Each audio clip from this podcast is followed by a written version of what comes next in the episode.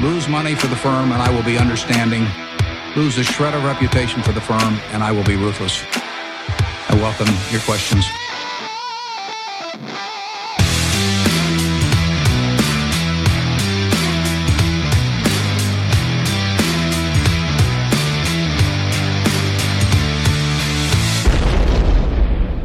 Välkomna till Kvalitetsaktiepodden. Det är jag som är Ola. Ja, och det är jag som är Klas. Eh, det här är avsnitt nummer 29. Det spelas in eh, torsdag den 15 november. Och eh, nu är det bara de sista smulorna kvar av den här spännande rapportbuffén. Ja. Som vi har fått avnjuta den senaste tiden. Och det har väl varit en hel del kakor som har sett ganska söta och inbjudande ut på utsidan. Har ju varit både salta, sura och beska. Inuti. Ja, när man väl har fått ta sig ett bett. Eller är det. marknaden framförallt har fått ta sig ett bett då. Ja, Eh, Så det har varit eh, spännande. våldsamma kursrörelser. Ja. Eh, Både upp och ner, framförallt ner. ja, och det här betecknar väl då vad man brukar kalla en orolig börs. Ja, och så kan man ju sammanfatta senaste månaden, en och en halv månaderna egentligen. Vi hade ju en börstopp i slutet på september och sedan dess är ju faktiskt börsen ner mer än 10 procent. Så den har ju tappat en hel del. Kollar man lite längre så är börsen OMX S30 minus nästan 10 procent nu då på 12 månader. Och eh, man är i princip oförändrad på tre år. Så några, någon fantastisk börs har det ju inte varit. Nej. Och eh, senaste tiden är det framförallt verkstad då som har kommit ner rejält och eh, eh, kollar man några av de stora verkstadsbolagen, eh, kan ta SKF, Sandvik och Volvo här som exempel, så har de nu då P runt 10. Faktiskt och eh, det är ju lite annat än vad det var för eh, ett par år sedan. Mycket, mycket fordonsrelaterat här kan man tänka då att det Ja. finns ju en väldig oro. Ja, kollar man runt också i världen så har ju for- fordonsrelaterat gått ner väldigt kraftigt. Många fina eh, bilföretag som handlas till ensiffriga P-tal ju. Och ehm, eh, frågan här är väl då egentligen om eh, et i PE är, eh, är hållbart här Ja. då. Eh, och jag gjorde en liten eh, sån här mm, eh, Ola, eh, Olas lågkonjunkturtest på de här eh, stora bolagen. Och det är ju alltså att man då kollar eh, i lite sämre tider då historiskt vad rörelsemarginalen har varit och s- applicerar den på nuvarande eh, volymer. Och så ser man vad, vad vinsten skulle ha varit då va? Och ehm, SKF till exempel har ju 12% nu ungefär i rörelsemarginal. Och både 2009 och 2013 låg man under 6. Så det är ju, det är ju halva marginalen. Och eh, precis samma sak för Volvo och Sandvik fast de har dessutom haft eh, några förlustår här historiskt. 2009 bland annat. Jag kommer ihåg Volvo hade väl negativt antal eh, lastbilar man sålde något eh, någon månad. Så eh, nej, det är toppmarginaler nu. Det är helt tydligt och det är en bra bit ner till bottenmarginaler så P10 kan ju det kan ju vara P20 då eller ännu mer kanske på låga marginaler men ja, det är ju egentligen över tid ska man ju kolla på snittmarginal tycker jag. Och eh, då kanske de här ska upp till P15 någonting då om man ska ner dit. Så att ja, de har kommit ner men det kan ju finnas mycket på nedsidan om en lågkonjunktur står inför hörnet här. Men det här är ju oerhört enkelt för oss för vi handlar ju överhuvudtaget inte de här bolagen så att Nej, det gör vi inte, men vi har, gör ju samma tester på mindre Ja, ja. bolag Ja, och de bolagen vi äger. eh, Hur, hur långt ner är, kan marginalen hamna då i, i lågkonjunktur? Mm. Eh, Helst ska man ju, tycker jag då, ska försöka hitta bolag som inte är så konjunkturkänsliga. Och ska de vara, är de konjunkturkänsliga så ska de ju vara väldigt lågt värderade och eh, ska klara sig med god marginal till förlust tycker jag i lågkonjunktur. Eh, Och eh, man ska vara vinstdrivande över tid helt enkelt. Man ska ha en stark balansräkning för de här konjunkturkänsliga bolagen med svaga balansräkningar. De brukar ju drabbas hiskligt för du vet liksom aldrig vart vinsten tar vägen. Och är du hårt skuldsatt så kommer ju bankerna och knackar på dörren och säger att nu är dina kovenanter eh, brutna här. Ja. Konvenanter Ola, det är ju någonting ja. folk, det hör man ju ofta när man sitter och käkar lunch och så, folk pratar om sina. Nej det gör man inte, det är ju helt enkelt villkor man har för lån. Ja, Eh, när man lånar ut pengar till bolag så är det ganska vanligt att man kopplar det då till eh, att bolagen måste prestera på några nyckeltal som kan vara lite olika. Och det är konvenanter kallas det helt enkelt. Så det är ju inte något dramat, eller det är väldigt dramatiskt när det slår till men inget konstigt. Så Nej. det är ett sätt för bankerna att ha en, en, en rätt att häva lån när de börjar tycka att bolagen inte levererar som de har ja. tänkt. Och Och då ska de till betalning direkt. Ja, och det är ganska ofta nettoskuld genom ebitda. Vilket också är det, det mått som vi faktiskt oftast kollar på eh, vad gäller balansräkningen. Nu får du inte gå händelserna i förväg Nej. här. Vi ska ju prata balansräkning nämligen eh, lite som lyssnarfråga Just det. om en stund här då. Just det. Så nej, men eh, ja, nej, så, så konvenanter, eh, det är ju sånt som blir aktuellt och det var nog ett av de mest använda eh, orden eh, vad jag kommer ihåg hösten 2008. Så eh, så är det i bra och dåliga tider. Nej, men så tänk på det när ni investerar. Ni kan eh, kolla, ni kolla balansräkningen, kolla om bolaget är vinstdrivande över konjunkturcykler och eh, stabilt. Mm. Ja, som de sa där i, vad var de spanarna? Vad heter den? Street Till Blues va? Be safe out there sa man. ja just det. Ja. Just det. Ja, spännande tider. Nej, det var också en spännande förmiddag igår. Jag tyckte det var kul att sitta här och titta på dig när du satt och skrattade bara när du kollade i orderdjupen här. Ja. Det var ju många av våra, eh, många ganska små, men många av de bolag som vi följer som har gått bra. Ja. Eh, En period nu som blev väldigt nedtryckta, i alla fall initialt. Ja, börsen har ju varit generellt svag under ett bra tag och småbolagen har ju faktiskt drabbats hårdare än storbolagen hittills egentligen. Men igår var det ju lite speciellt faktiskt för det var ju många procent ner i många fina mindre kvalitetsbolag medan börsen inte var ner så mycket på morgonen där. Ja, du satt ju och plockade upp hela förmiddagen där. Ja. Diverse. Ja, ja jag försökte handla så mycket som möjligt där. Ehm, och eh, Anledningen till det här tror vi, och det här har vi ingen aning om, men det känns ju som att det är väldigt sannolikt. Man såg att det var Nordnet och Avanza som låg på säljsidan som hejsan där i början. ja, Och det var väl det att Kavastu gick ut och sa att han skulle ta en liten paus. ja. Han skulle ha sålt av sa han till sina följare tror jag. Nästan nu följer allt, inte ja. vi honom så jättenoga men 85 procent har han sålt av ja. Och så skulle han dra iväg och göra något annat en liten stund. Och då finns det nog tyvärr väldigt många som istället för att ha en egen idé om vilka bolag man ska investera i så har man investerat som han. Ja, kan vara så. Och nu fick man lite panik då. Och hade ingen aning vad det kunde vara för skillnad mellan Proact och Bahnhof eller vad det kan ha varit. Nej. Värdering. Ja, nej men så, så, så är det. Och eh, det kan ha varit en Kavastu-effekt man såg här. Och eh, han har väl 30 000 följare eller hade, jag vet inte hur det blir nu. Jo, men, det eh, blir nog ännu fler. Så ehm, ja, det kan ha varit det faktiskt. Ja. Eh, Men det var väldigt eh, spännande att följa. Ja, höll ut några timmar där sen så. Ah, nu har det väl lugnat ner sig lite, Ja. men eh, ja. Så, eh, Det var väl lite intressanta aktuella grejer vad som kan hända när det är lite Skakigt. skakigt. Eh, så då har vi redan tagit det här eh, aktuellt direkt i inledningen här idag. Eh, vi tänkte ju att vi också då skulle naturligtvis ha några rapport, eh, intressanta rapporterande bolag. Tre stycken här idag. Eh, och sen efter dem då så är det dags för det här huvudnumret som vi pratade om redan förra varvet här eller förra avsnittet. Tre nya önskebolag. Eh, som vi in, förhoppningsvis, vi har sagt det förut att inte bolag varit med i podden och sen har vi ändå tagit dem lite snabbt i någon sån här Kabe va, var, Ja, gjorde vi en sån gjort- blunder med en ja, gång. Ja, Mm. ja, ja. det är ju det är fruktansvärt.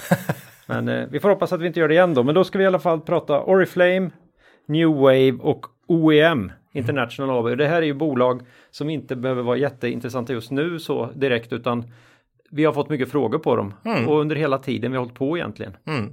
Så att eh, då tar vi dem. Och alla bolag vi pratar om är ju kanske inte, som, tycker inte vi är intressanta för tillfället och så, men eh, jättekul att vi får damma av tre lyssnar, lyssnarbolag här som, eh, som lyssnar. Och det är faktiskt så att det, det är flera som har velat eh, höra eh, de här. Så, då, så då blir det så. Nå- Någon av dem är väl en sån här klassisk liten småspararfavorit också. så att Ja. det, då, är, då är det poppis va? Eh, Så det kommer idag och sen vill vi då också passa på att tacka Börsdata. De har ju valt att samarbeta med oss. Och ni som ännu inte provat, missa inte gratismöjligheterna för den nya provtjänsten. De har ju nu massor med globala bolag. Och man kan använda sig av börsdata för att få en snabb analys. Eh, man kan få se de åtta enklaste och vanligaste nyckeltalen. Man kan se kurshistoriken. Man kan göra en, eh, känna på hur de funkar i screenern. Och sen kan man göra det där eh, sista, det får du ta Ola. Eh, teknisk analys? Ja, det var okay. det. det. Nej, jag, får, jag får förklara det för dig någon gång. Jag, jag, ja. jag tror jag har en uppfattning. Jag försöker ju lära mig vad det där är. Ja. Eh, så det är ju kanon. Testa det. Mm. Och innan vi går vidare vill vi påminna våra lyssnare om att aktieinvesteringar alltid innebär ett stort risktagande. Aktier kan både gå upp och ner i värde. Satsa därför aldrig kapital på aktier som du inte är beredd att förlora. Det vi säger i podden ska aldrig betraktas som köp eller säljrekommendationer. Gör alltid din egen analys av bolagen innan eventuell handel. Så, nu blir det bolag Ola. Mm. Härligt, härligt. Kul. Och då ska vi ta ett bolag som vi har pratat om jättemånga gånger. Ja, det har vi faktiskt. Uh, och fick ju även frågor här nu. Mm. Och eh, det är vi ju. Det här bolaget är ju en, eh, det är vansinnigt volatilt ur ett kursperspektiv. Vi pratar G5 Entertainment. Mm. Och det här är spel i mobilen som riktar sig till kvinnor över 35. och affärsmodellen här är att det är gratis att ladda ner grejerna och sen så försöker de få dig att köpa saker när du spelar för att få små fördelar eller kunna låsa upp saker och sådär. Mm. Mm. Uh, ja, vi har pratat G5 lite då och då senaste året och eh, eh, här har vi ju en veritabel eh, kursslakt eh, sedan toppen här i maj-juni. Aktien är ner hisnande 70 procent mm. och det här är ju måste vara beroende på att deras storsäljare då för tillfället Hidden City verkar ha pikat här på försäljningslistorna. Man visste väl inte riktigt om det var säsongseffekt och så. Eh, brukar vara lite svagare under sommaren men det har inte riktigt kommit igång här efter sommaren. Och eh, vi har ju pratat eh, om beroendet av deras största spel Hidden City i podden förut. Mm. Och sagt att det är nog det stora den, den, den, stora osäkerheten och orosmomentet här då. Mm. Och eh, jag vill också kolla vad jag sa senast här och det var då i början på augusti vi pratade G5 och eh, då sa jag citat Det kan vara så att det blir ett glapp här mellan intäkter från nya spel och Hidden City och då kanske man kan komma in på en väldigt attraktiv nivå. Mm. Då stod aktien i nästan 400 kronor. Nu står den i 165. Mm. Eh, så det är ju klart över 50 ner sedan eh, den podden då.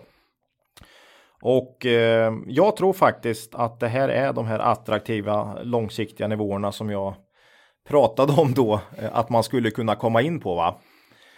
Um, och um, för, för, jag tycker det här är ett eh, fint företag i grund och botten som har en bra historik och man har lyckats då med att få fram nya spel.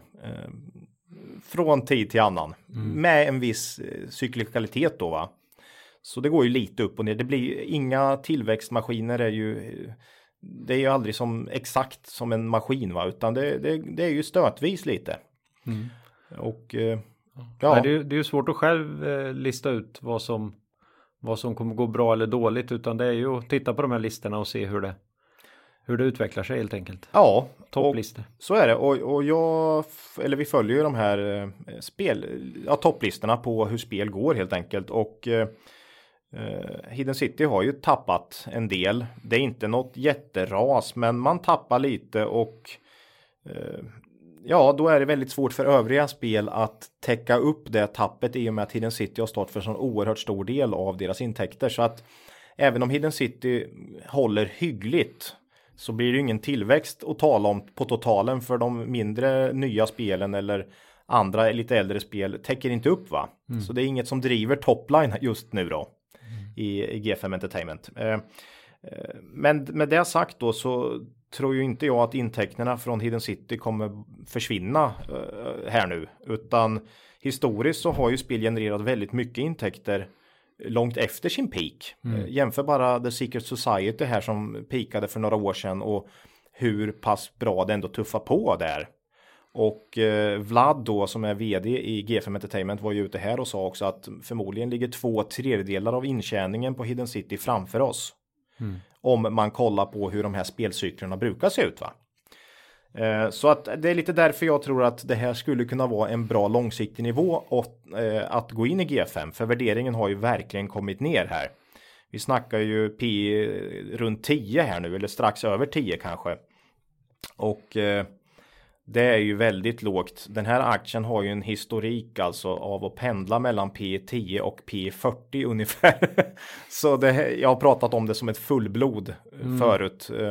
Och det är ju verkligen. Eh, och inte köper man ett bolag på P40 om det slår mellan P10 och 40 utan man köper det hellre nära P10 i så fall va. Mm. Eh, och eh, nej, jag tror man kommer kunna leverera spel framöver precis som man har gjort. Men det kommer ju väldigt troligt bli ett antal kvartal här nu med, med väldigt låg tillväxt. Det kan definitivt bli ännu billigare. Det kan definitivt bli ännu billigare ja. och det här med att fånga fallande knivar mm. det är ju Ja, det är billigt men du kan ju lika gärna börja med att vara 30-40% ner mm. om du köper nu.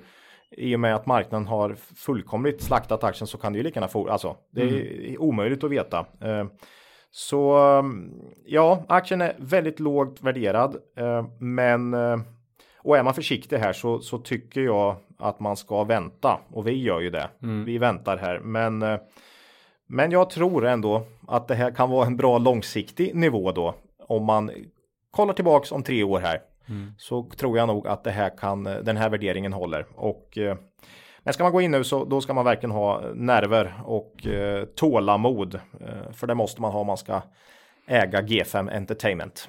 Mm. Mm. Ja, det var G5. Ja, köp när det ser eh, när folk är negativa och eh, sälj när det är eh, jättehås. Det är mm. väl den långa sanningen om G5. Mm. Jag blir alltid deppad över de här bolagen som liksom gång på gång piskas upp till de här P30 40, 40 mm. bara för att det börjar hända lite grann. Mm. Det finns liksom ingen hejd på vilken intjäning de ska ha från något från något spel. Nej. Nej och, men det finns det ju. Och Hidden City var ju topprankat Mm. Alltså vart vad kan det gå? Mer? Ja, vad ska hända mer? Eh, mm. en, en liten nisch. Alltså det känns som att Ja, jag, jag, förstår inte hur man kan köpa på 600 då. Mm. Lika lite som jag tycker att det är rätt med P10 på ett sånt här konjunktur eh, okänsligt. Eh, välskött bolag. Men det växer ju. Det växer ju jättesnabbt och mm. nu kommer det förmodligen bli några kvartal med väldigt låg tillväxt. Mm. Men det är inget som säger att inte tillväxten kan komma tillbaks med ett nytt spel. Man ska plocka fram tre nya spel här nu i vinter. Mm.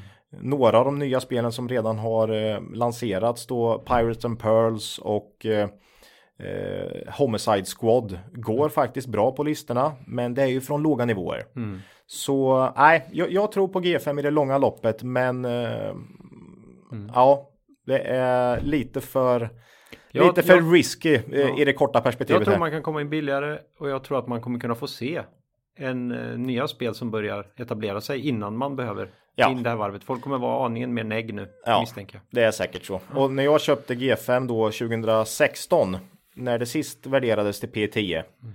då tyckte ju jag att jag kunde se att, att man hann se en vändning. Mm. Så kanske man kan det och även om börsen har handlat upp G5 Entertainment innan du köper så är det ju mycket mindre risky business om du kan se en tydlig vändning innan du köper va. Mm. Så att, eh, ja. ja.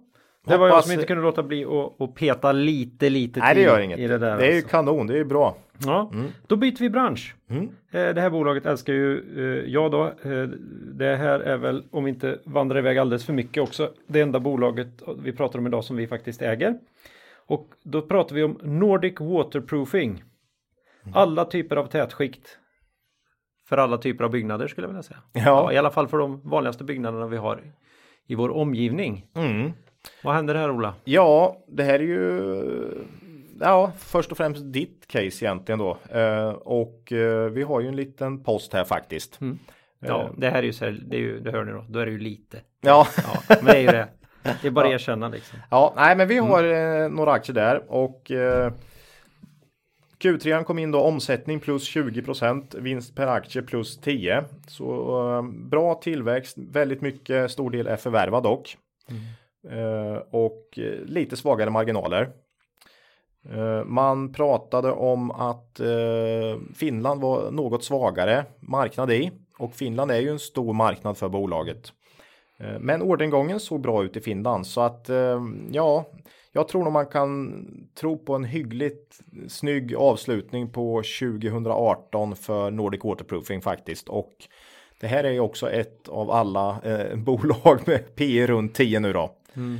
Eh, och eh, det är klart många har P 10 om nu börsen kanske har halkat ner mot P 14 i snitt så det är ju många som har P 10 såklart. Mm.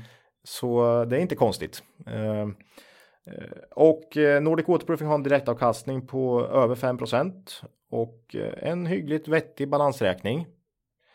Och jag tror man håller utdelningen i år och då har du ju 5% där. Mm. Ja, det, jag tycker det känns intressant även om hela den här konjunktur och byggtrenden eh, kan hämma aktien och dessutom påverka företaget då. Såklart om det skulle visa sig att det blir en eh, jobbig lågkonjunktur. Mm. Så det är ju det som är på nedsidan. Ja, det här är ju billigt men bygg då. Billigt men bygg eh, som vi har pratat om mycket. Det är bygg har ju tappat väldigt mycket Eh, Svolder har eh, en intressant grej seglat upp som eh, storägare här senaste tiden äger nu över 10% av kapital och röster så de tror nog mer på att det är billigt än att, eh, det är bygg då. att det är bygg. de kanske tror på båda. De kanske tror på båda och har tålamod och vänta då. Mm. Kanske. Men eh, ja, så är det billigt med en bygg och eh, vi äger en liten post där. Mm. Som sagt. Men ja. eh, tuffa på bra, helt klart. Mm. Och dessutom ska vi säga också, inte mycket Sverige. För det är ju många som eh, tror det här har jag insett. Men ja. eh, det, det var är... därför jag blir lite depp då, för jag känner att ah, de, ja. det är ju det här, tro inte att du vet något liksom. Nej, men ja, det är mycket i Finland och då kommer de in och säga ah, Finland svagare än förväntat. Ja, ja. men orderingången var bra. Ja, ja. Så vi får se. Ja, vi får se. Det där är ju långsiktigt. Det är långsiktigt. Man ska vara långsiktig. Mm. Eh, ja, Nordic var det. Då går vi till några som samma initiala bokstav. Mm. Det är väl den enda gemensamma nämnaren jag kan hitta. Så där vid en snabb. Det går ju säkert att göra roliga alliterationslekar här på det. Men... Nej, jag tänkte mer de här övergångarna. Hipp hipp körde i. Ja. Eh, du, du, du hittar ingen klockren. Nej, nej, den var väldigt svår. Nästa bolag är nämligen NGS Group. Ja. det här är bemanningsföretag inom vård, socialtjänst, skola och ledarförsörjning. Ja, du skrattar men det här var ingen munter läsning i Q3, det, det kan Nej, jag säga. Det eh, var ju totalt eh, genomklappning. Genom, ja, inte bra. Nej, eh, och det här är ju ett bolag vi har följt under lång tid med vad jag tycker då en väldigt bra ledning och fin historik. Ja, du har väl gjort många väldigt fina ja, ja, ja. resor. Det har varit, det var under många år en av stöttepelarna i min portfölj faktiskt. Men eh, samma vd fortfarande, men marknadsförutsättningarna verkar vara väldigt, väldigt jobbiga just nu då. Och eh, om man kollar Q3 då isolerat så var omsättningen minus 16 procent, eh, ebit minus 52. Mm. Och eh, här verkar det vara... Det är inte ens bullshit earnings vi pratar här utan det är Nej. verkliga earnings. Alltså. Ja, eh, det här verkar det vara läkarbemanningen som är i fritt fall egentligen. Mm. Om man eh, skärskådar det här lite och eh, man skriver att marginalerna är låga och landstingen är mycket restriktiva med sina inköp. Mm. Det här kan man ju spåra tillbaka till den här, det här riktiga media ja, mediadrevet. Alltså det är ju en enorm press på svenska landstingspolitiker att helt enkelt sluta tvärt sluta hyra in läkare. Mm. Det får kosta ungefär vad som helst skulle jag tro. Marknaden generellt här och jag också för den delen var ju mer fokuserad på det här vinsttaket här eh, för något år sedan inom eh, vård och skola och så. Som inte har egentligen någonting nej, men det med NGS ju, att göra. Nej, det har ju för det första inget med NGS att göra för de bedriver ju inga vårdinrättningar här. Och inga skolor heller. Inga skolor heller, utan de hyr ut va. Mm. Men eh, just den politiska risken, då har man pratat om det mest. Mm. Men det här är ju en, också en konsekvens av en politisk risk kan man säga att eh, landstingen helt enkelt känner sig tvingade eller har som mål att minska bemanningen. Mm. Eh, och det behöver kanske inte fullt ut vara ekonomiskt optimalt på något sätt för eh, landstingen. Men det är det de har på sig helt enkelt. Nej, Nej du eh, lyckades ju chocka mig någon gång med den siffran. Nu kan inte jag bolla upp den, men alltså landstingens, de svenska landstingens kostnad Ja, det är i no- genomsnitt är några procent va? Nej, en, det är bara Ja. någon procent Ja, någon av procent. deras totala kostnader är Och det är inhyrd. all inhyrd personal. Mm, all, all inhyrd personal, någon procent av totala kostnader, så det är ju inte mycket. Och då är, det alltså den, då är det alltså den kostnaden att hyra in då. Så att av, av den då, om det nu finns så här vansinniga överpriser här så är den, just den delen av kostnaden är återigen bara en liten del av den här procenten då. Så att, Nej, utan det måste del. vara politisk press här Ja, det är det ju. på landstingen. Ja, nej, men det ser man ju. Det går ju bara att googla lite på det. här. Hy, hyrläkar. Eh, nå, nå, nå, något litet argt eh, ord där och så hyrläkare och så Mm. eh, kommer det komma upp då vil, vilken press eh, misslyckades med att eh, eliminera hyrläkarna och sådana här saker. Mm. Eh, ja, nej men så att det är ju det helt enkelt. Du kan titta på Dedicare också som är en eh, sektorkollega här egentligen har ju också tappat rejält. Så mm, NGS, jag, jag tycker liksom inte det är ingen direkt, de missköter sig inte utan det är nog en, en brutalt svår marknad just nu helt enkelt. Ehm, och vart tar det här vägen då? Eh, Kan man fråga sig. Kan Jag, man- jag kan bara säga, så, jag vet inte om du tänkte komma in på det, men socionomsidan. mm, Den är ju oerhört intressant. Alltså där kan du å andra sidan läsa precis tvärtom i tidningarna hur man gör precis vad man kan för att överhuvudtaget få tag i socionomer idag. Socialtjänsterna går ju på knäna. Mm. Och där verkar det inte finnas samma tryck då att, på, på just det här att man inte får hyra in. Det är vården. Jag tror det är någon jantegrej. Ja, vården har blivit eh, faktiskt. Det är Framförallt som... läkarna tror Ja, jag. Man läkarna. har någon idé om att läkare täljer guld med, Mm. med smörkniv och nu dessutom är de inte nöjda utan nu ska de ha ännu mer då genom det här, det här upplägget. Medan en socionom det Mm. Medan marginalerna är säkert lika galna, säkert galnare. Ja, alltså de, de, de har ju faktiskt för några år sedan så var det ju egentligen bara sjukvård och eh, lite skola. Man har ju väldigt snyggt då rört sig mot andra saker och förvärvat inom socionom, ekonom och så vidare. Och det var kanske en någonting som ledningen såg här att vi vill inte vara helt utsatta till vårddelen här helt enkelt. Och eh, så det har ju varit rätt får man ju säga eh, att expandera. Det minskar ju risken i bolaget också, men det är fortfarande lite för låga nivåer för att stå emot här. Eh, och eh, Ja, ledarbemanning vet jag inte längre man har haft. Det nej, det är, en, det är några år sedan man liksom har successivt fyllt på. Nu har man inte gjort något förvärv på något år, eh, utan eh, nu är det ju liksom organiskt här då och ja, eh, det här är välskött men oerhört tufft just nu då. Eh, I år så är eh, vinsten ner 33% på de första eh, nio månaderna. Eh, värderingen är ju dock eh, väldigt låg. Marknaden har ju totalt eh, slaktat den här aktien och det är ju P 8 här nu ungefär. Eh, och frågan är väl egentligen kan man se en vändning här då? Eh, och eh, jag står nog fast vid det jag sa sist. Precis samma sak. Tråkigt men vi, vi avvaktar nog eh, tills vi kan se någon form av vändning här helt enkelt. Eh, men då tror jag att eh, det kan bli en bra resa igen. Bolaget är välskött i grunden. Det finns någon större ägare som har seglat upp här. Eh, skulle ju kunna vara en sån här bud budkandidat. Eh, Man kanske vill köpa till extremt låga PS-tal här nu då va. Ehm, Så um, ja, NGS eh, jobbigt för bolaget och eh, och så, men eh, ja, jag, jag vågar inte riktigt gå in här. Mm. Gör jag inte, utan ser på från sidan som det heter. Mm, då är det billigt med skygg här då. ja, ja, jag vet Ja, inte. Nej, jag, ja. kan inte. Jag kan inga vårdgrejer så. så det, Nej, nej, nej. nej, nej. Eh, Eh, ja, det var NGS. Mm. Vi Eh, kommer garanterat få anledning att återkomma. Ja, och vi hade ju med, har ju med dem i våran den här utdelningsportföljen vi gjorde här också. Eh, Våran fantastiska utdelningsportfölj. Ola. Så, ja.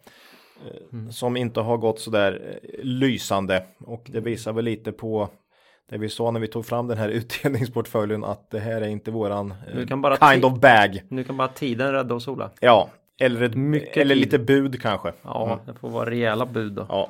Ja. ja, nej men så är väl läget i NGS. Mm. Vi äger inget där heller. Näpp. Nej. hoppar vi vidare. Nu är det dags för lite nya bolag igen då Ola. Kul! Ja, du har verkligen suttit och vridit och vänt på de här bolagen och då vill vi återigen poängtera att nu har vi fångat upp bo bolag som vi får mycket frågor om. Det här är ju inte nödvändigtvis bolag som vi sitter och tycker är sådär jätteheta just nu, men många av våra lyssnare tycker det här ser intressant ut. Så Ola har verkligen satsat här under veckan för att göra dem rättvisa. Och eh, bolagen har vi ju redan sagt det. Vi ska prata Oriflame, vi ska prata New Wave och vi ska prata OEM. Så det är lite, lite olika branscher. Och lite östgötakoppling här, eller åtminstone norra Småland är det väl. Ja, Tranås. vi, vi, vi, de får nästan. Det är, så, det är så fint så de får nästan vara med här. Ja. Ja, ja. eh, ska vi börja då med Oriflame? Ja, De heter väl Oriflame Holding? misstänker störst går först. jag. Eh, de här säljer ju då numera eh, kosmetika ganska mycket på nätet och via sina, sina konsulenter. Mm. Eh, och det här är ju hudvårds, ja det är smink. Smink, hudvård, eh, hårvård eh, och lite accessoarer faktiskt också. Eh, Mycket egna märken. Mycket egna märken. Det här bolaget är ju en framgångssaga och liksom eh, entreprenörsskapelse från eh, Sverige. Och man firade faktiskt 50-årsjubileum förra året. Så eh, grattis får man väl säga till en 50-åring här då. Ja, Ehm, och jag kommer faktiskt ihåg fortfarande på eh, slutet på 80-talet när jag gick i, i grundskolan. eh, att en mamma i, till en tjej i klassen var så kallad eh, Oriflame konsulent då. Och hade det som sin, sin sysselsättning. ja. Så att det det är finns också med. ett yrke. Det är ett yrke ja. Och nu har man ju bytt då från konsulenter till aktiva användare i den här digitala åldern då eh, som vi befinner oss i. Så har man bytt det ordet då helt enkelt. Men man följer ju hur många som helt enkelt säljer Oriflames produkter då. Eh, kollar du den långa historiken här i Oriflame och då tänker jag inte 50 år utan vi stannar på 10 då. Så är egentligen omsättning och vinst i stort sett oförändrade på 10 år. Det är egentligen exakt samma nivåer som, som det var för 10 år sedan. Så ser det inte jätteofta ut i, i de bolagen vi st- står och hoppar Nej. upp och ner för. Nej, så är det ju. Eh, Men så är det här faktiskt. och, men det har ju inte stått still. Nej, nej. Utan det, de hade faktiskt en rejäl eh, tydlig svacka här. 2013 till 2015 med omsättningsminskning och lägre marginal och då var det framförallt Ryssland eh, men också Europa som eh, tappade eh, rejält och man hade liksom inget som riktigt täckte upp för det här omsättningstappet då. Eh, sedan dess är det ju framförallt Asien då som har eh, gjort att man har kunnat vända verksamheten och fått upp lönsamheten igen till eh, en faktiskt fin ebit-marginal på 12 procent. Eh, men summa summarum på 10 år så är den oförändrad då fast med en grop i mitten då så att säga. Eh, Och kollar man då eh, det här, det blir väldigt tydligt att se att det är Asien som har lett den här återhämtningen av verksamheten. För 2013 så stod Asien för ungefär 10% av omsättning och vinst. Nu står Asien för ungefär hälften. Så Asien har ju verkligen gjort att man har kunnat vända det här. Snyggt gjort, absolut. Väldigt eh, en eloge ska de ju ha såklart. För eh, det innebär ju här såklart att det är några av gamla huvudmarknaderna här som har tappat då. Om Asien då, om bolaget har stått stilla omsättningsmässigt på 10 år och något har gått från ingenting till hälften så är det något som har tappat va? Och eh, då är det framför allt Ryssland. Eller de benämner det CIS, CIS. Vet, Central. Ja, jag har ingen aning. vet faktiskt inte vad det står för, men det är alltså eh, jag skulle säga forna Sovjetunionen ungefär. Eh, plus Mongoliet tror jag var med och lite så. Men jag vet faktiskt inte vad CES står för. Nej, men någon, någon pigg eh, lyssnare kan säkert skriva till oss på Twitter och berätta det här. Det Ja. vore väldigt snällt. Eh, och det är ju här man har tappat rejält. Och jag kommer ihåg snacket om Ryssland. Det var väl fem år sedan eh, ungefär då man var extremt exponerade mot eh, just Ryssland och nu är det ju eller CIS då. Eh, men nu är det nere på 25 procent. Det var över hälften som var mm. mot Östeuropa och Ryssland då. Ja, och där är man nu i Asien istället då. Där är man nu i Asien istället. Europa har väl inte gått, har inte gått bra, men man har inte tappat så där jättemycket. Nordeuropa går inget vidare, utan det är Sydeuropa som har hållit hyggligt då. Sen har man bakat in Afrika i Europa också. Det vet jag inte om det är för att mm, liksom dölja ett, ett tapp här i Europa. Men, eh, men så är det. Mm. Eh, som det ser ut nu då så är Asien 40% av omsättningen, 50% av vinsten. Europa och Afrika är 25% av omsättningen. CIS då, eller forna Sovjetunionen 22% och Latinamerika 14 mm. Så man är även på den sidan eh, Atlanten. Eh, frågan här tycker jag då, för eh, Asien växer inte lika fort längre. Eh, men tappet i Europa och eh, forna eh, Sovjetunionen är faktiskt inte så stort längre heller. Så att både tappet har stannat av men även tillväxten. Så att det känns lite mer stabilt. Mm. Ska man säga så? Lite status quo. Här. Ja, lite så faktiskt. För Asien har kommit ner i tillväxt också. Och eh, eh, jag funderar lite på här, var ska tillväxten komma framöver då? Om Asien inte ska driva eh, på längre. Eh. Det är lite brända jordens taktik här på något sätt. Man, man erövrar ett, ett område och lyckas växa upp, växla upp ja, någonting och sen faktiskt. efter ett tag så mattas det av så att säga. Ja, eh, jag vet inte vart man ska efter Asien här då eh, på något sätt. Eller ska man, kan man få till en revival i Ryssland eller Europa? Jag, jag tror jag, jag ser inte riktigt det komma. Liksom. Ja, jag får ju lite så här otäcka Pandora-vibbar här. Ja, ja alltså jag, jag vet när vi har pratat Pandora och H&M mm. att jag har dragit paralleller till Oriflame flera gånger. Ja, du gör tvärtom här då. Ja, det du gör tvärtom. Tillba du kastar tillbaks bollen ja, så att ja. säga. Eh, ja, jag får lite det också här. Eh, men man kan nog kanske stå och eh, tuffa på på de här nivåerna eh, ett tag till så att säga. Eh, Indien såg jag tappade lite nu och det Kina var lite svagare än mm. väntat och ja, så man kanske kan. Det finns en oro där tror jag på marknaden att deras tillväxtmotor nu tappar lite då mm. faktiskt. Ja, Eh, en hel del blankning i uh, Oriflame känns det igen mot eh, Pandora, H&M. Det ja, har något slags minne av att det fanns lite blankare inne där. Mm. Ja, det är ju tacksamt de här liksom mm. eh, stora bolagen med mycket aktier där tillväxten inte är något vidare. Mm. Eh, man kan nog lätt och, och, och, du ser också på Oriflames kurs hur oerhört mycket den eh, går, alltså hur, hur ryckig den är. Mm. Och eh, så fort man kan få ett hopp om att tillväxten ska börja få fart igen då sticker kursen och, och, och sen när det kommer några kvartal med lite lägre tillväxt mm. då, är det, eh, då är det ner i källan va. Mm. Så ehm, ja, värderingen är ju P11-12. Inte dyrt eh, såklart. Eh, direktavkastning 7% Så det är det är lite H&M här. Mm. Hög direktavkastning och, och så och tuffar på. Men eh, jag, eh, jag ser inte riktigt vart den långsiktiga tillväxten ska komma här. Hur ska mm. man kunna växa med 10-15 procent framåt här, från de här nivåerna? Mm. Ja, ska man bara ligga här och takta, men då kan man ju komma ner lite till. Det är ju Ja, men samtidigt på plussidan här tycker jag är också en eventuell lågkonjunktur här. Mm. Eh, jag parkerar ju hellre pengarna i Oriflame än i Sandvik. Mm. Om det blir en eh, total kollaps av konjunkturen. Eh, det tror jag. Och de kommer nog klara sig bättre än Sandvik i en lågkonjunktur. Även om de har tappat lite i lågkonjunktur historiskt så, så tror jag ändå kan, eh, kan tuffa på hyggligt för dem i lågkonjunktur. Och dessutom igår redovisade insynsköp här ganska rejält. 13 miljoner från vice vd. Mm. Tryckte in här och Oriflame var faktiskt en av dagens vinnare här på en annars ganska sur börs då. Så ja, men det var mycket insynsköp i Pandora också. Det vet vi ju på eh, kurser långt härifrån va. Mm. Så ja, nej, det är för dålig tillväxt för oss här tycker jag. Eh, men en låg värdering och en ganska hyggligt stabil verksamhet just nu. Mm. Känns det som. Med marginaler som är fullt rimliga. Eh, så kan man väl sammanfatta. Ja.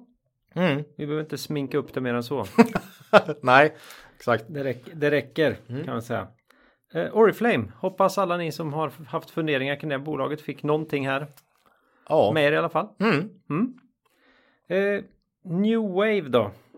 Det Mm. här är ju eh, ett skönt bolag då. Profilkläder är ju grunden för det här bolaget. Mm. Eh, men man håller också på med arbetskläder. Ja. Och alla pratar om deras stora lager och det inser jag att det kommer du också göra här nu. Så. Ja. Ja. Eh, ja, det här är ju Torsten Janssons då eh, företagsbygge från eh, Dingle i Västra Götaland. Och han börjar ju sälja eh, profilkläder från eh, sin mamma och pappas källare där eh, en gång för länge sedan. Och han äger ju fortfarande 80 då av rösterna. Mm. Och- A och B. Ja, och 30% av kapitalet. Så han har sålt ut en del av bolaget men har full kontroll fortfarande då. Eh, och som du sa, profilkläder då eh, står för nästan hälften. Och det är ju olika, det, det kan vara yrkeskläder också, eh, presentreklamkläder och så vidare. Eh, sport och fritid, flera varumärken, Craft bland annat, Seger ser man väl skidåkarna åka runt i. Eh, tror jag svenska skidlandslaget. Eh, rätta mig om jag har fel. Men eh, där har du 40% Och sen så har du då en liten del, 10% ungefär gåvor och heminredning. Och det är ju framförallt sen de här omtalade och omtvistade förvärven av det svenska glasriket här. Kosta Boda och Orrefors framförallt då. Mm. Det var riktiga kanonaffärer. Ja, han. Jag läste här någon eh, årsredovisning tror jag eller eh, ja, här nu jag gick igenom eh, New Wave och eh, Torsten sa då att eh, ångrar jag det jag har gjort? Ja, kanske, men jag tror att vi ska kunna vända det här till till positiva siffror och nu visar faktiskt även det lilla affärsområdet vinst. Men det är ju blygsam sådan. ja, och lövtunna marginaler. Ja, så är det. För eh, lönsamheten finns framförallt då i de två stora affärsområdena här. De man ligger på ungefär 10% ebitda marginal. Ehm, och eh, marginalerna har historiskt svängt lite i New Wave eh, i tuffare tider eh, faktiskt. Så det finns någon eh, konjunkturkänslighet här, helt, helt klart. Eh, Tioårshistoriken vad gäller tillväxt är inte särskilt imponerande. Man har en omsättningstillväxt på i snitt 3% per år och vinsten har bara ökat med 1% per år i snitt. Så eh, ingen vidare tillväxt egentligen. Eh, nu är det dock en tillväxtsatsning eh, som är på gång här i New Wave och eh, man har faktiskt ökat omsättningen med 15% nu då senaste halvåret här. Jättebra då såklart. Eh, och eh, det är en uttalad strategi här att nu ska vi upp, för man har faktiskt ett mål på 10 till 15 procent. Vilket inte alls går ihop med den långsiktiga tillväxten på 3 här då. Eller hur? Nej. Ibland kanske man måste mål och vision och det här som vi har pratat om. Ja, ja alltså mål kan ju vara väldigt jobbiga tycker jag också om de är helt eh, liksom eh, taget ur luften kan man tycka då va? Det måste ju vara väldigt svårt att få med sig personalen. Ja. De tycker att ah, vi har dubblat i år. Ja, det är ju inte värt ett skit alltså. Vi, är, vi har inte ens kommit halvvägs. Nej. Det är inte ens halvvägs mot, alltså det blir lite diskreptans kallas det Ja, väl. ja. Ja, jag vet inte varför man håller på sådär. Nej, Önskedrömmar. Ja, men det är ju jätteofta man ser att det finns finansiella mål som man inte får ihop med nuläget på något sätt. Men här, nu tar de tag i det här i alla fall. Och tillväxten är faktiskt 15% nu då, just för tillfället i alla fall. Sen vet man ju inte om det blir så här över en konjunkturcykel, men eh, nu kämpar man. E ebit sjönk dock 20% och det är ju just på grund av tillväxtsatsningarna helt enkelt. Eh, marknadsföring, eh, försäljning och så vidare. Och eh, ja, de här kostnaderna kommer ju belasta de kommande kvartalen här. Eh, som jag tror kommer bli bra tillväxt. För Craft bland annat hade ju väldigt fin order ingång här inför eh, ja, vintern här. Så jag tror det kommer bli fortsätta så ett antal kvartal till åtminstone med stark tillväxt med lite lägre marginaler. Eh, Och vinsten i år 2018 ser ut att bli lite lägre än förra året. Eh, Så ja, man tar tillväxt men tappar lönsamhet. Men förhoppningen är ju såklart att man ska att vinsten ska hänga med så småningom.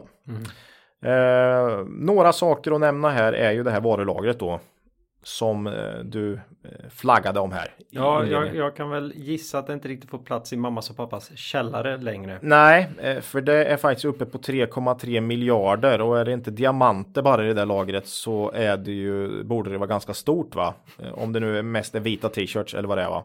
Mm. För det här ska jämföras då med en årsomsättning på dryg, drygt 6 miljarder. Mm. Det vill säga mer än 50 procent av års, årsomsättningen och jag, jag kan faktiskt inte påminna mig att jag har sett ett bolag med med den typen av lagernivåer. Eh, men kollar man på senaste tre åren så har det legat där. Mm. Så det är inte så att det är oj nu helt plötsligt utan man ligger där och man säger koncernen har ett välbalanserat lager och servicegraden är bra. Mm. Så eh, från deras sida så är man inte alls oroade över lagret verkar det som utan man bygger upp här inför större försäljning och så vidare. Mm. Men eh, tittar man bara på det sådär så ser det ju väldigt, väldigt högt ut. Balansräkningen tyvärr inte heller så där jättebra. Man har en nettoskuld på nästan 2 miljarder och nettoskuld inom ebitda är nästan 4 och det är för högt för oss. Vi brukar inte köpa bolag med den typen av skuldsättning. Eh, värderingen låg. Mm. Eh, P10. Temat för dagen här temat för dagen och mm. för många av våra poddar nu, nu för tiden mm. åtminstone. Mm. Eh, värderingen P10, direktavkastning över 3 mm. ja, det här är ett entreprenörsdrivet bolag som jag tror säkert kan komma fortsätta leverera för Torsten är duktig. Eh, men det finns ju då också ett beroende här av honom såklart och eh, man är ju lite orolig för den dagen han väljer att sluta. Vad händer då? Mm. För, för New Wave känns mycket som Torsten va? Om du förstår vad jag menar. Mm. Eh, Sen är det det med, med skuldsättning på den nivån i lite tuffare tider. Mm. Eh, det kommer ju inte dröja länge innan, innan fordringsägarna vill veta vad finns i det där lagret liksom. Nej, så blir det ju. Mm. När du har skuldsättning. Är det, är det diamanter? Eller ja, är eller är det vita tröjor? Eh, från, från eh, sent 90-tal. Mm. Alltså det... Ja. ja. Nej, det, det, det finns en risk här. Mm. Helt klart. Uh, jag så... vet inte, han kanske, de kanske är mycket transparentare än vad jag tror kring vad det här lagret består av. Eller ja. är det, det är inte mer än på den nivån att man säger att det här är kanon. Jag har inte sett några detaljer på vad det mm. inne utan mer bara att de verkar vara eh, avslappnade på något sätt mm. inför lagernivåerna. Uh, mm. uh, ja, nej men en summering här då. låg historisk tillväxt, svag balansräkning, relativt låg värdering. Mm. Eh, vilket då förmodligen förklaras av de två första punkterna så att säga. Det, det är väl en förklaring här. Mm. Eh, på pluskonto tycker jag den här nuvarande tillväxtsatsningen ligger faktiskt. För där, där finns ju en förhoppning om att man ska kunna få lite driv i verksamheten. Mm. Är det inga dåliga varumärken? Nej, fina varumärken. Väldigt och fina. Eh, Torsten är såklart på pluskontot men också på minuskontot då eh, på grund av beroendet. Mm. Eh, så ja, lite sött och lite salt i New Wave. Mm. Så kan man väl säga. Ja. Inget vi äger i. Nej, det var, det var någonting vi öppnade med att just, just nu kan det vara bra att titta några extra gånger på balansräkningen mm. i bolag när, när det är det här börsklimatet vi upplever med mycket osäkerhet i och så. Mm. Eh, det skulle kunna förebåda en, en lite tuffare tid. Ja, och framförallt blir ju marknaden oerhört fokuserad på balansräkning. Det behöver inte innebära slutet för bolaget, mm. men aktierna kommer inte gå bra i tuffa tider för man blir helt enkelt rejält orolig för om bolagen kommer överleva och om det ska prisas in i en aktiekurs då, då är det inget roligt. Ja, vi har ju pratat om det här gamla Hexagon ja. exemplet förr. Ja, exakt. Eh. Jättefint bolag, hög skuldsättning. Covenante var på mm, liksom modeordet nummer ett hösten mm. 2008. Hexagon minus 80 procent. Eh, ja, mm. Aktien alltså. Verksamheten tuffade på ganska hyggligt, men, eh, men eh, marknaden blir ju livrädd va. Mm. mm. Så kom ihåg det. Balansräkning, ja. säger det igen. Just det, man flytta ut på landet och börja odla potatis. Mm. mm. Så är det. Mm. Det finns ingen hejd hur hemskt allting kan vara. Nej, så är det. Så är det. Mm. Sista bolaget för dagen då Ola. Mm. Det här är ju roligt då. Eh, sånt här man blir stolt över att man är podden som har med OEM International AB. Mm. Nu pratar vi Tranås stolthet. Ja, det är ju det här Eh, badhotellet också va? Eller? Jag inser, det, det, Östgötatrafiken kör åtminstone dit ner reguljärt. Så, Mm. det, så lite grann ändå. Det står ju på skyltarna va? Vänder i Tranås va? Ja, att, ja. ja. helt fantastiskt. Ja, det är badhotellet ja. Det är ju det som Nej, det är väl, de, de har väl fler stoltheter. Ja. Man kan väl ha, ja. Ja, för mig räcker det med ett här då. Ja, Ja, OEM är en eh, teknikhandelskoncern inom industriella komponenter och system. Bolagets sortiment omfattar elkomponenter, flödeskomponenter, motorer och transmission, kullager och tätningar, Ola. Apparatkomponenter, det vet jag knappt vad det är, men det är väldigt bra. Små fläktar och grejer säkert. Och belysning. Ja. Det här är så business to business, så man sitter ju bara och skakar av glädje. Eh, marknaden säger de Norden, England, ja. Holland, eh, delar av Östeuropa och Kina. Mm. Och här har ju du gjort en liten rolig spaning. ja, vi kan börja där då. Eh, En av de roligaste marknadsindelningarna. Ja, Sverige är ju då 60 procent. Mhm. Så det är ju Sverige tungt, helt klart. Men sen har man då eh, den geografiska indelningen Danmark, Norge, Storbritannien och östra Centraleuropa. Ingår i ett, ett block så att säga. Den känns rätt given. 20 procent. och, och- sen har du nästan den roligaste av dem alla då. Sista, det, den sista geografiska mm, eh, Ja, vad ska man säga, blocket i OEM är Finland, Baltikum och Kina. 20 procent. Ja, det säger inte så lite kanske. Nej, nej, nej. Så, eh, så har man delat in det geografiskt då. Eh, Det här är ju en koncern så det är ju massor med dotterbolag så det finns säkert någon eh, härlig logik här som, Ja, det finns det säkert. som går över våran huvud lite grann. Men, Eh, ja, här snackar vi ett väldigt välskött och fint bolag. Eh, inget ont om de andra vi har pratat om, men det här tycker jag är på en annan nivå faktiskt. Eh, Jörgen Salin, vd så länge jag hittar statistik, minst 13-14 år med andra ord. Eh, Så eh, det är ju också sådär man gillar. Eh, det, Henrik Ekelund i BTS har väl suttit sedan dag ett, här, 30-40 år, men annars så det här är ju superkul såklart. Eh, man har extremt stabila marginaler de senaste åtta åren. De har pendlat mellan 10 ungefär 10 9,5 till 11 procent i rörelsemarginal varje år har man klockat klockat in på. Eh, I finanskrisens spår 2009 sjönk de dock eh, faktiskt ner till 6 procent. Så det finns en viss konjunkturkänslighet här, helt tydligt. Eh, omsättningen är plus varje år senaste 12 åren med undantag då för 2009 då den faktiskt sjönk 25 procent. Ja, det var ju många orderböcker som blev helt rensade där. Alltså, det var ju galna tider. Ehm, tillväxten i snitt, även om den har varit stabil, så har den inte varit så där jättestark. Plus 6% i snitt och då är det ju ändå lite kryddat med förvärv här. Så relativt låg tillväxt, men eh, välskött då med tanke på att man inte håller på och slarvar bort massa vinst då va. Utan eh, man tjänar pengar helt enkelt. Eh, man har en bra, väldigt bra balansräkning ehm, och eh, precis som ett riktigt kvalitetsbolag ska ha. Ehm, på negativa sidan här då blir dock såklart värderingen. Det är ju eh, så med kvalitetsbolag att de är ganska dyra. Här har vi P 18 nu då ungefär och det är ju faktiskt mer än börsen i snitt här. Och jag tycker det känns i högsta laget, även om det är ett fint bolag. Just med tanke på den här konjunkturkänsligheten. Ja, någon säkerhetsmarginal finns ju absolut inte. Nej, Alltså. det känns inte så. Ehm, Det kanske till och med är någon slags lite premie här. Eller, Ja. det, det känns ju som det. Eh, jag är väl inne på att den här typen av bolag vill man ju äga över tid liksom. Men att man kanske ska försöka, eh, eller jag kanske ska försöka fiska upp det här i, i en låg, eventuell lågkonjunktur då. Eh, om något år eller några år eller om tio år, vem vet. Mm, ja, lite kabe. Ja, lite KB-känsla där. Att väldigt fint, välskött bolag, men eh, vill man inte köpa det i en lågkonjunktur. KB är i och för sig lågt värderat, det är ju inte OEM då. Men ja.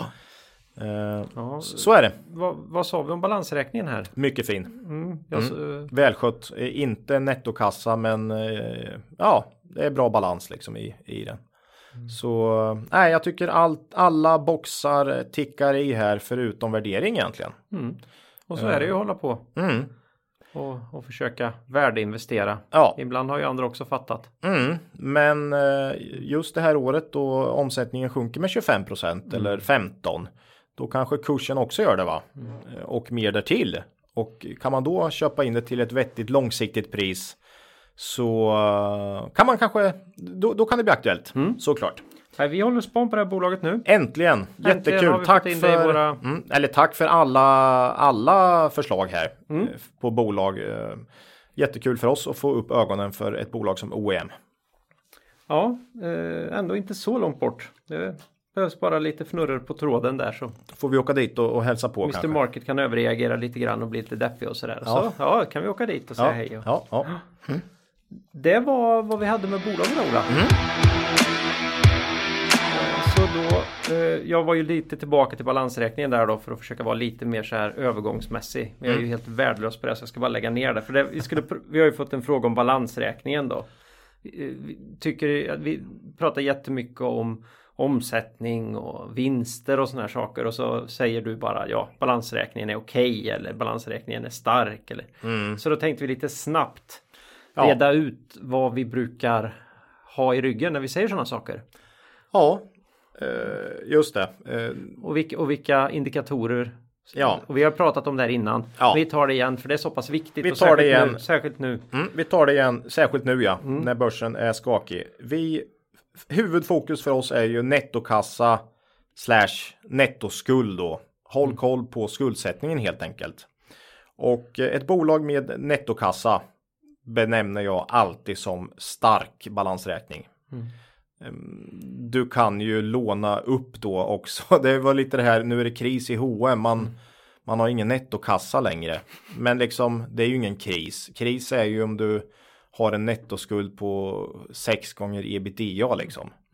Eh, så, så normalt brukar jag, det är huvudfokus när vi kollar balansräkning. Hur ser skuldsättningen ut? Nettokassa eller nettoskuld? Eh, har man nettokassa då är, säger jag alltid i stort sett att balansräkningen ser stark ut. Det innebär ju att man har pengar som man skulle kunna betala av alla eventuella skulder på ett bräde bara. Ja. Och fortfarande ha lite kul att göra med. Lite kul att liten köpa fest- bolag ja, eller, Ta lite en fest med personalen kanske. eller dela ut till aktieägarna. dela ut till aktieägarna. Eller, ja. Det Så- man kan göra. så är det. rolig fabrik. Ja. ja, man kan göra massor med roligt. Ja, eh, men fortsätter man på det spåret då så säger jag att nettoskuld genom ebitda ska vara max, absolut max 3 eh, 3. Det vill säga nettoskuld genom ebitda max 3. Det brukar vi ha som en absolut gräns när vi investerar, helst under 2. Och då är det ju det här ebitda då. Det här ju- brukar vi ju sitta här och säga bullshit earnings och så här. Men ebitda den dagen skiten träffar fläkten som man säger. Då säger den ju ganska mycket om vilken betalningsförmåga man, bolaget ändå har. Ja, det är ju ändå det som är närmast kassaflödet på något sätt. Eh, Nu kommer folk bli en del bli arga på oss. Men det är ändå det som med enkelhet är närmast. Om du inte Ja. vill hålla på och gräva i kassaflödena. nej, Då, då hamnar du tillräckligt nära anser vi. Ja, och det där får man ju också ganska ofta folk som tar fram helt sjuka nyckeltal. Där man vill baka in ett allt i, ett. i ett enda. Liksom jag har mitt nyckeltal, men alltså så, så är det ju inte utan det är ju en komplex verksamhet med massor olika parametrar så att jag tycker inte man ska söka efter the one nyckeltal utan man kan ha många och kolla av. Men eh, som sagt, eh, nettoskuld ebitda eh, är ju oerhört viktigt tycker vi då. Eh, och det får inte vara över 3, helst under 2. Och, men ligger det under 3, 2, 2,5 där någonting, då tycker vi att balansräkningen ändå är okej. Så då brukar vi säga okej eller ibland till och med den är bra. Eh, Men är den över 3 då är det ju svag balansräkning skulle jag vilja säga. Eh, sen kollar vi även goodwill. Och det är ju liksom till skillnad från nettokassan så Ja, är det pratade vi om senast. Ja, och det är ju egentligen hur mycket eh, immateriella anläggningstillgångar det finns i balansräkning. Är det luft eh, eller skulle det kunna vara luft eh, i balansräkningen? Det vill säga saker som är upptagna till mer än deras egentliga värde. Så eh, goodwill vill man egentligen inte ha så mycket av och jag brukar jämföra med eget kapital ungefär. Det, det brukar vara en, eh, en, en bra grej att göra och då om man delar eh, goodwill genom eget kapital så ska det inte vara mer än ett. Mm. Mm. Så, eh, så, så det testet brukar jag göra. Mm. Då... Och sen finns det ju naturligtvis massor med specialfall Mm. av det här och Ja. olika branscher och sådär. Ja, men liksom ställer man ändå frågan om man ska Mm. ha ett svar som, som, gäll, som man på något sätt vill kunna Mm. anamma på de flesta bolag så är det där Mm. ungefär. Ja men de som lyssnar på oss vet ju att vi går ju inte in i investmentbolag. Vi jobbar inte med bank så jätteofta. Nej, vi håller inte nej. på med försäkringsbolag och så vidare. Men tittar vi då på industri här som vi gör. Tittar på mycket. Vi pratar handel. Mm. eh, Vi pratar IT. Vi pratar konsulter och så vidare. Då är det här Det är vettiga tal. vä- väldigt vettiga tal. Mm. Tycker vi. Ja. Verksamhetsdrivande bolag. Mm. Så ja, så kan man säga. Nettoskuld och Nu tror jag någon som var på bank precis blev väldigt ledsen här. Men, men det, Ja. Mm. det, får vi, det får vi bjuda på idag tycker jag. Ja, var det lite tufft i och för sig men det får vara så. Mm. Eh, ja, lyssna frågan. Då tar vi ett sånt här snabbcitat. Vi kan ju inte låta bli. Vi älskar våra citat. Och då är det ju Mr Buffett här. Ja, det är väl bra i, i sådana här orostider. Ja, ja. Eh, som guldgruva. Och då har ju han sagt här då. I make no attempt to forecast the market. My efforts are devoted to finding undervalued securities. Ja, och Mm. det är ju det vi gör till 100% Mm. också. Ja, på svenska så säger han att han försöker inte lista ut vart marknaden är på väg eller hur det ska gå utan han försöker bara hitta väldigt, väldigt bra och billiga bolag. Ja, Ja, securities är ju lite bredare än så. Men. ja. Men eh, det är ju värdeinvesterarens, alltså så fort du hittar någonting som du tycker är köpvärt tillräckligt billigt eh, för vad du får. Då köper du det och du spekulerar inte i om eh, det kommer gå ner mer eller om börsen är på väg upp eller ner. Utan då köper du det helt enkelt. Och eh, ja, eh, det kan jag skriva under på till 100%. Såg faktiskt idag att det kom en blänkare om att han hade köpt en hel del eh, bankaktier i JP Morgan. Mm. Så han har inte varit sådär jätteaktiv på att köpa mm, aktier senaste åren här. Eh, Men eh, ja, nu, nu kom det ett köp här. Ja, nu börjar det till och med bli attraktivt för... Ja, för herr Buffett. för ja. Så, nej, jättebra citat såklart. Och tänk på det i de här turbulenta tiderna att eh, man får inte vara för rädd för själva börsen. För mycket kapital går ju förlorat när man så att säga är rädd för börsnedgång. För det är ju många börsnedgångar som där man kanske säljer då när det ser som när det egentligen är som bäst att köpa. Mm. Eh, Så är det. Du vet aldrig helt enkelt när den stora börsnedgången kommer och eh, ska du hålla på och hacka varje gång det hickar till lite så blir det väldigt dyrt över tid. Mm. Mm. Nej, då måste man verkligen jobba med sin långa tidshorisont och acceptera att man kan vara ner ganska rejält Mm. och mycket längre än man tycker är riktigt bekvämt. Ja, Men är det ett kvalitetsbolag så kommer det bli på tok för billigt alldeles för snart för att kunna ligga kvar där nere. Så att då, ja, och du kommer ju ha igen det när eh, konjunkturen eller börsen vänder någon gång i framtiden. mm. Mm. Det var citatet också då. Bra Så citat. nu börjar ju våra pannor närma sig det berömda kaklet här. Mhm. Vet inte, vi simmar inte så jättefort så att det, Nej, det, det kanske blir ganska städat när vi når det. Men vi tänker på refrängen här. Och eh, nästa avsnitt, det blir torsdagen den 29 november. Då ska vi försöka gå lite på känsla och hitta något spännande att prata om. Men vi har inte bestämt oss riktigt i förväg här. Kul. Det brukar ju lösa sig. det brukar faktiskt. röra sig. Precis. Och samma kväll då den 29 november så är det dags för vår aktiepub i samarbete med Market Makers eh, podden. Eh, Där är det lapp på luckan. Jaha, Jajamän, och eh, de som fått plats meddelas via mail ja. inom en snar framtid. Vi tänkte försöka styra upp det där lite grann och prata lite även, även där om Vad kul, vad kul. Ja. Det borde vara folk att- som gillar Ja, aktier och eh, öl. ja Mm. och det är ju lite som vi då. ja, ja. Så att det, det kan ju bli kaka söker maka eller vad säger man? Mm. Ja, eh, mejla oss gärna på kontakt kvalitetsaktiepodden.se. Ni kan också hitta oss på Twitter och Facebook. Mm. Vi har ju våran hemsida. Det är inte jättemycket aktivitet där men eh, märker att en del är i alla fall inne. Där kan man hitta våra tidigaste avsnitt. Mm. Så för er som vill lyssna i kapp och tycker det är supertråkigt att man bara kan hitta 20 avsnitt bakåt på iTunes så kan man hitta rubbet På vår hemsida. på vår hemsida. Eh, så är det. Ja, slutligen Dola, har du något om makron som är värt att ta upp idag? Nej, men jag såg att Trump nyligen träffat Macron. Och det hade gått sådär tydligen. Jaha, så det har du, du har dragit någon slutsats då från? Nej, nej, inget alls. Nej, nej, nej, nej. Eh, nej, och då har något tekniskt då? Eh, nej, men du har väl något? Nej, nej, nu känner jag att jag måste smälta den här den här omfattande Macron-spaningen du har, du har Ja. gjort här. Så jag, jag, Du- jag, du lägger jag, ner den? Ja, jag lägger ner den. i- Får, se, får återkomma. Okej. Jag är så tagen här. Mm, mm. Eh, då, då är det väl eget ägande då? Vi- Ja, det var inte mycket idag. Nej. Eh, men lite Nordic Waterproofing då va? Mm. Mm.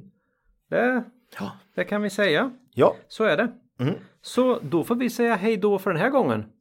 Och kom ihåg, det är först när tidvattnet drar sig tillbaka som du får se vem som badat naken. Lose money for the firm and I will be understanding.